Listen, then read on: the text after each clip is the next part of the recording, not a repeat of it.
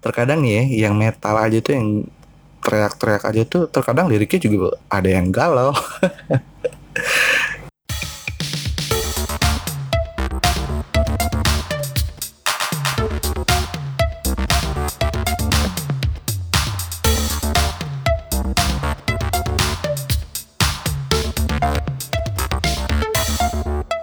Hai, balik lagi bareng gue Yudi. Wah, udah lama nih nggak nge-podcast lagi Hitungannya udah hampir dua bulan nih. Kalian apa kabarnya nih? Semoga ya gue harap selalu baik-baik aja ya Dalam kondisi sehat selalu.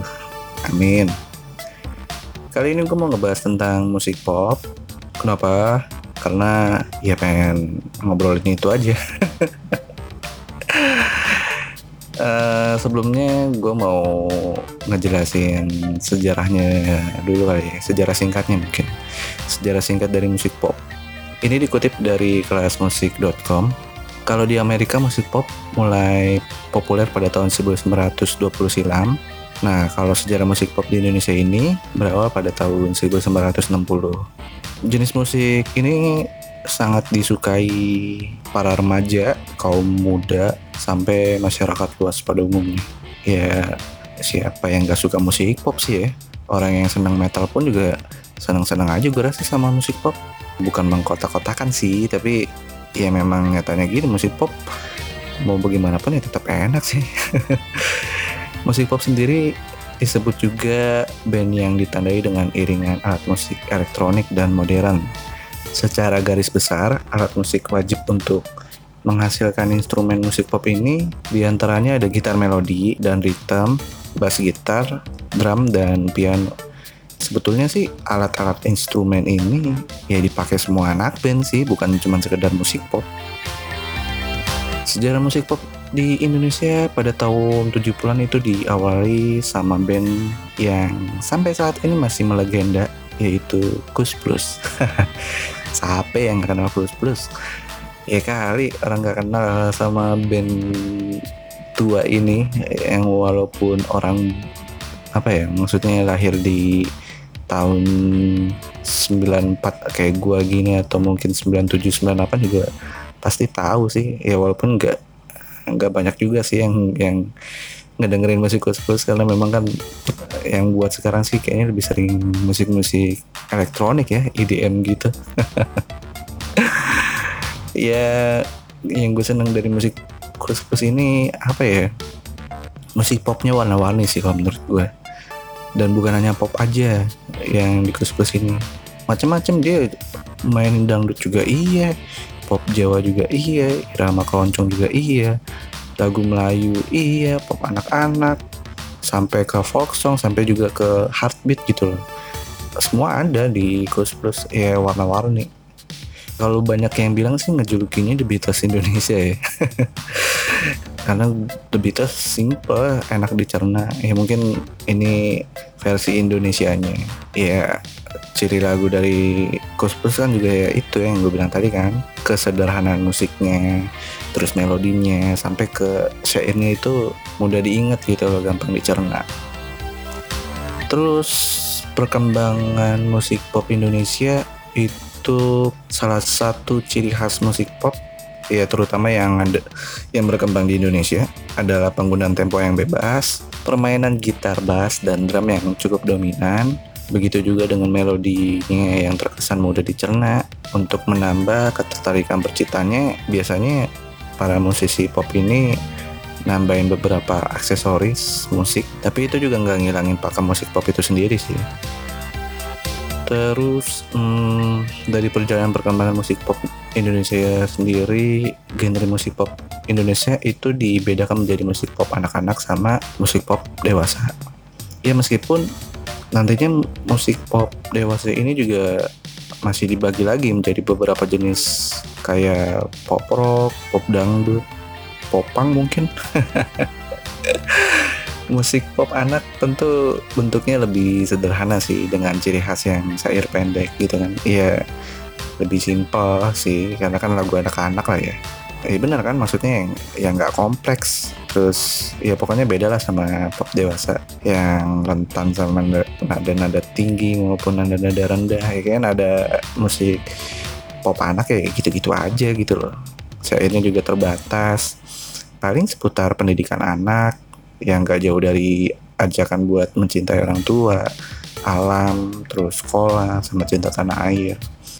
Kalau musik pop dewasa mempunyai khas yang lebih kompleks gitu yaitu identik dengan nada yang sangat tinggi dan sangat rendah. Ya pokoknya main nada sih. Ya. alunan melodinya juga cukup bebas dengan improvisasi lebih banyak tapi dengan gaya yang ringan tema lagu yang diusung musik pop dewasa juga biasanya bervariasi. Ada yang mulai dari kritik sosial, lingkungan, terus tentunya juga tema percintaan yang erat kaitannya dengan kaum muda. Ya, itu menurut gue bukan pop aja sih. Terkadang nih ya yang metal aja tuh yang teriak-teriak aja tuh terkadang liriknya juga ada yang galau. Ya itu banyak sih kayak gitu lagu metal juga ada. Bukan bukan hanya pop doang. Menurut gua musik pop itu apa ya? Hmm, lebih cara gimana kita bisa ngenakin lagu sih kalau menurut gue karena apa ya gue main musik pop susah-susah gampang sih. Karena ngedengernya kayak mudah dicerna segala macem itu dulu sih waktu gue SMA itu waktu lagi ada lomba. Lomba gitulah lomba antar kelas. Dan kebetulan menang juara dua. Atau waktu SMA sih. Uh, bawain musik pop itu ngoverin apa ya waktu itu ya? Killing Inside yang biarlah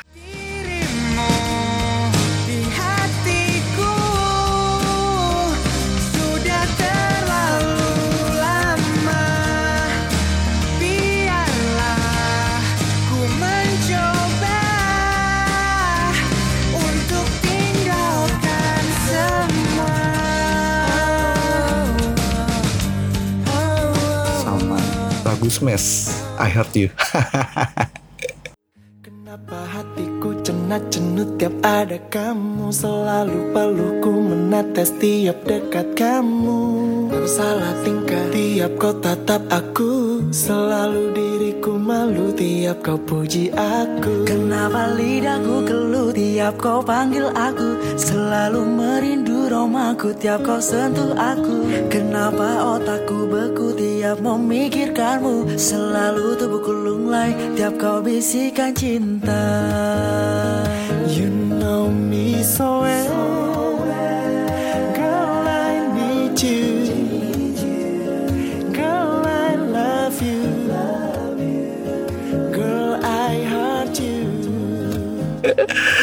walaupun boyband boyband gitu yang kita coverin tapi kita menang loh. Juara dua ya lumayan lah ya. Isi sebetulnya itu doang. Kayak iya menurut gue bagaimana kita cara ngenakin lagu di musik pop terus orang main musik itu kan kalau menurut gue juga pribadi sih itu uh, gimana kita cara ngenakin lagu sama skill. Karena di lomba-lomba pun juga apa ya nggak menutup kemungkinan orang yang bisa ngenakin lagu itu bisa menang juga bisa lolos. Banyak kan di TV-TV orang yang bisa ngenakin lagu lolos. Bahkan yang yang main skill aja tuh nggak lolos. Itu lucunya. Ya pokoknya apa ya musik pop itu lebih gampang diterima. Terus lebih apa ya ya lebih cepat terkenalnya sih kalau menurut gue juga. Tapi bisa juga lebih cepat redupnya juga. Tergantung gimana mereka konsistensinya aja sih. Eh konsistensi maksudnya eksistensinya dia di belantika musik. Allah ini dikutip dari buku onlinestore.com kalau kita ngomongin industri sebagai sebuah industri musik dibutuhkan manusia sebagai hiburan dalam kehidupannya.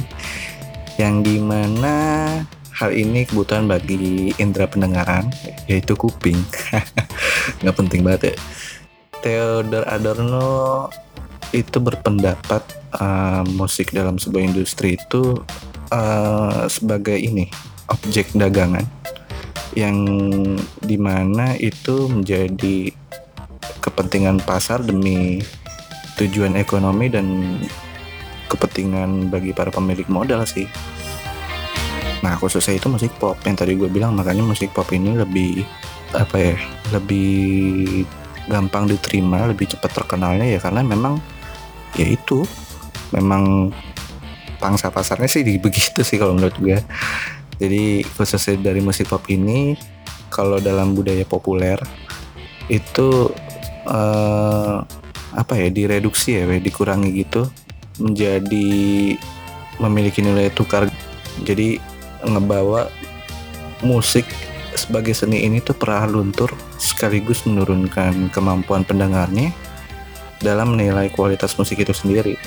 Ya ini sih berdasarkan datanya ya Adorno Theodor Adorno ini kan dia berbicara tentang apa ya teorinya sih itu industri, industri budaya.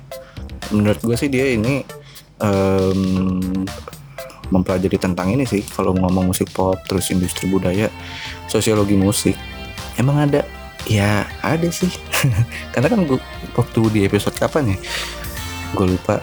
Ya sosiologi itu mempelajari banyak macam ada sosiologi budaya, ada sosiologi pendidikan, ada sosiologi hukum, ada sosiologi kesehatan, ada sosiologi komunikasi, ya macam-macam sih. Sosiologi cinta aja ada. um, apa ya? Terus Adorno udah kita bahas.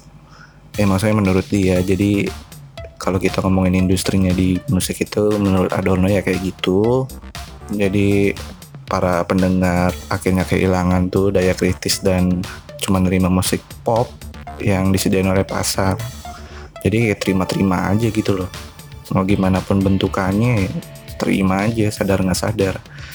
Ya intinya musik pop lebih gampang diterima lah lebih cepat terkenal tapi bisa juga cepat teredup nih. Sotoy banget gue standarisasi pada musik pop pada praktik nyatanya sih uh, terjadi dalam proses pembuatan karya lagu. Nah, ketika sebuah lagu tertentu itu sukses di pasaran, ya itu lagu sejenisnya bakal terus diciptain kurang lebih mirip. Nah, itu yang maksudnya industri budaya itu. Jadi terjadinya pengulangan pola musikal atau lirik lagu yang gak jauh beda bakal dieksploitasi sampai benar-benar tiba uh, pada suatu kejenuhan pasar. Ah ini bahasanya berat banget ya. sampai puncaknya itu terjadi sesuatu yang um, menguatkan standar pada lagu itu sendiri gitu. Ya intinya sih musik pop ini eh maksudnya dari industri budaya ini ketika lagunya bakal sukses gitu loh di pasaran ya itu bakal dibuat sama gitu loh dari segi liriknya dari musikalnya. Sebetulnya ada case-nya sih waktu itu kalau nggak salah bukan pop sih bukan pop. Itu Melayu. Uh, kalau menurut gue ya kayak gitu. Jadi Melayu Melayu semua itu dibikin sama semua sadar nggak sadar pokoknya disediain sama pasar blok dan lagu Melayu begini semua. Sampai-sampai akhirnya pada jenuh. Ya kayak gitulah pokoknya deh. Tapi tapi tapi kalau kita ngomongin apa ya, ya tadi Adono kan ngomongin tentang industri budaya. Um, apa ya? Menurut gua teori industri budaya dari Adorno ini nggak sepenuhnya terbukti benar sih. Karena kenyataannya yang terjadi genre musik yang berkaitan langsung dengan apa selera masing-masing penikmatnya itu masih memiliki tempat tersendiri gitu loh. Misalkan kayak grunge dia punya tempatnya sendiri terus blues juga genre metal juga. Bahkan dulu sempet genre-genre kayak gitu punya gigsnya sendiri. Kayak lebih sering banget itu di uh, Rosi Fatmawati terus di daerah Ciracas apa ya waktu itu gue pernah manggung di situ juga nge-gigs. Terus di mana lagi uh, gila itu banyak banget gue juga lupa lagi. Pokoknya dari apa genre yang berkaitan sama selera musik sih sebetulnya mereka punya penikmatnya masing-masing. Dan untuk sekarang ini juga banyak kok band-band indie yang yang yang cukup terdengar namanya. Dan lagu mereka juga unik-unik dan enak-enak. Jadi kayaknya nggak terbukti benar juga ya. Uh, apa ya gue perhatiin kuping pendengar buat penikmat musik juga udah makin cerdas ya. Iya maksudnya tahu mana musik yang bener-bener enak mana yang enggak sih. Ya udah mulai kritis aja ya terbukti lah sama adanya aliran yang non mainstream itu yang tadi gue bilang metal, punk, grunge segala macam itu ya apa ya akhirnya dia melahirkan sebuah komunitas sendiri gitu bagi penikmatnya. Semua genre ada komunitasnya, ada penikmatnya sendiri-sendiri. Dari beberapa genre musik itu juga apa ya menunjukkan kalau masih ada pertunjukan musik festival gitu yang gak berorientasi pada profit. Jadi bukan bukan cuman hal ngomongin pasar segala macam misalnya tuh ada musik akustik gitu kan terus uh, biasanya dipamerin di tempat-tempat makan atau gimana. Banyak sih macam-macam tapi buat sekarang ya entah gue yang kurang update atau apa ya mungkin gue yang kurang update tentang panggung-panggung lagi. Jadi uh, ya gitu. Jadi kurang tahu lagi tentang gigs gigs atau mungkin udah nggak ada ya nggak paham juga. Ya udah gitu aja lah. Pusing gue. Karena ngomongin teori-teori mulu teori Adorno kan juga apa ya, ya gue cuman sekedar baca-baca aja sih tentang teori industri budaya apa. Terus emang pengen ngobrolin musik pop aja genre musik pop. Ya udah gitu aja uh, eh, gue Yudi pamit undur suara. Terima kasih cuy yang udah dengerin. Yang lagi beraktivitas semangat aktivitasnya yang lagi beristirahat selamat beristirahat. Bye bye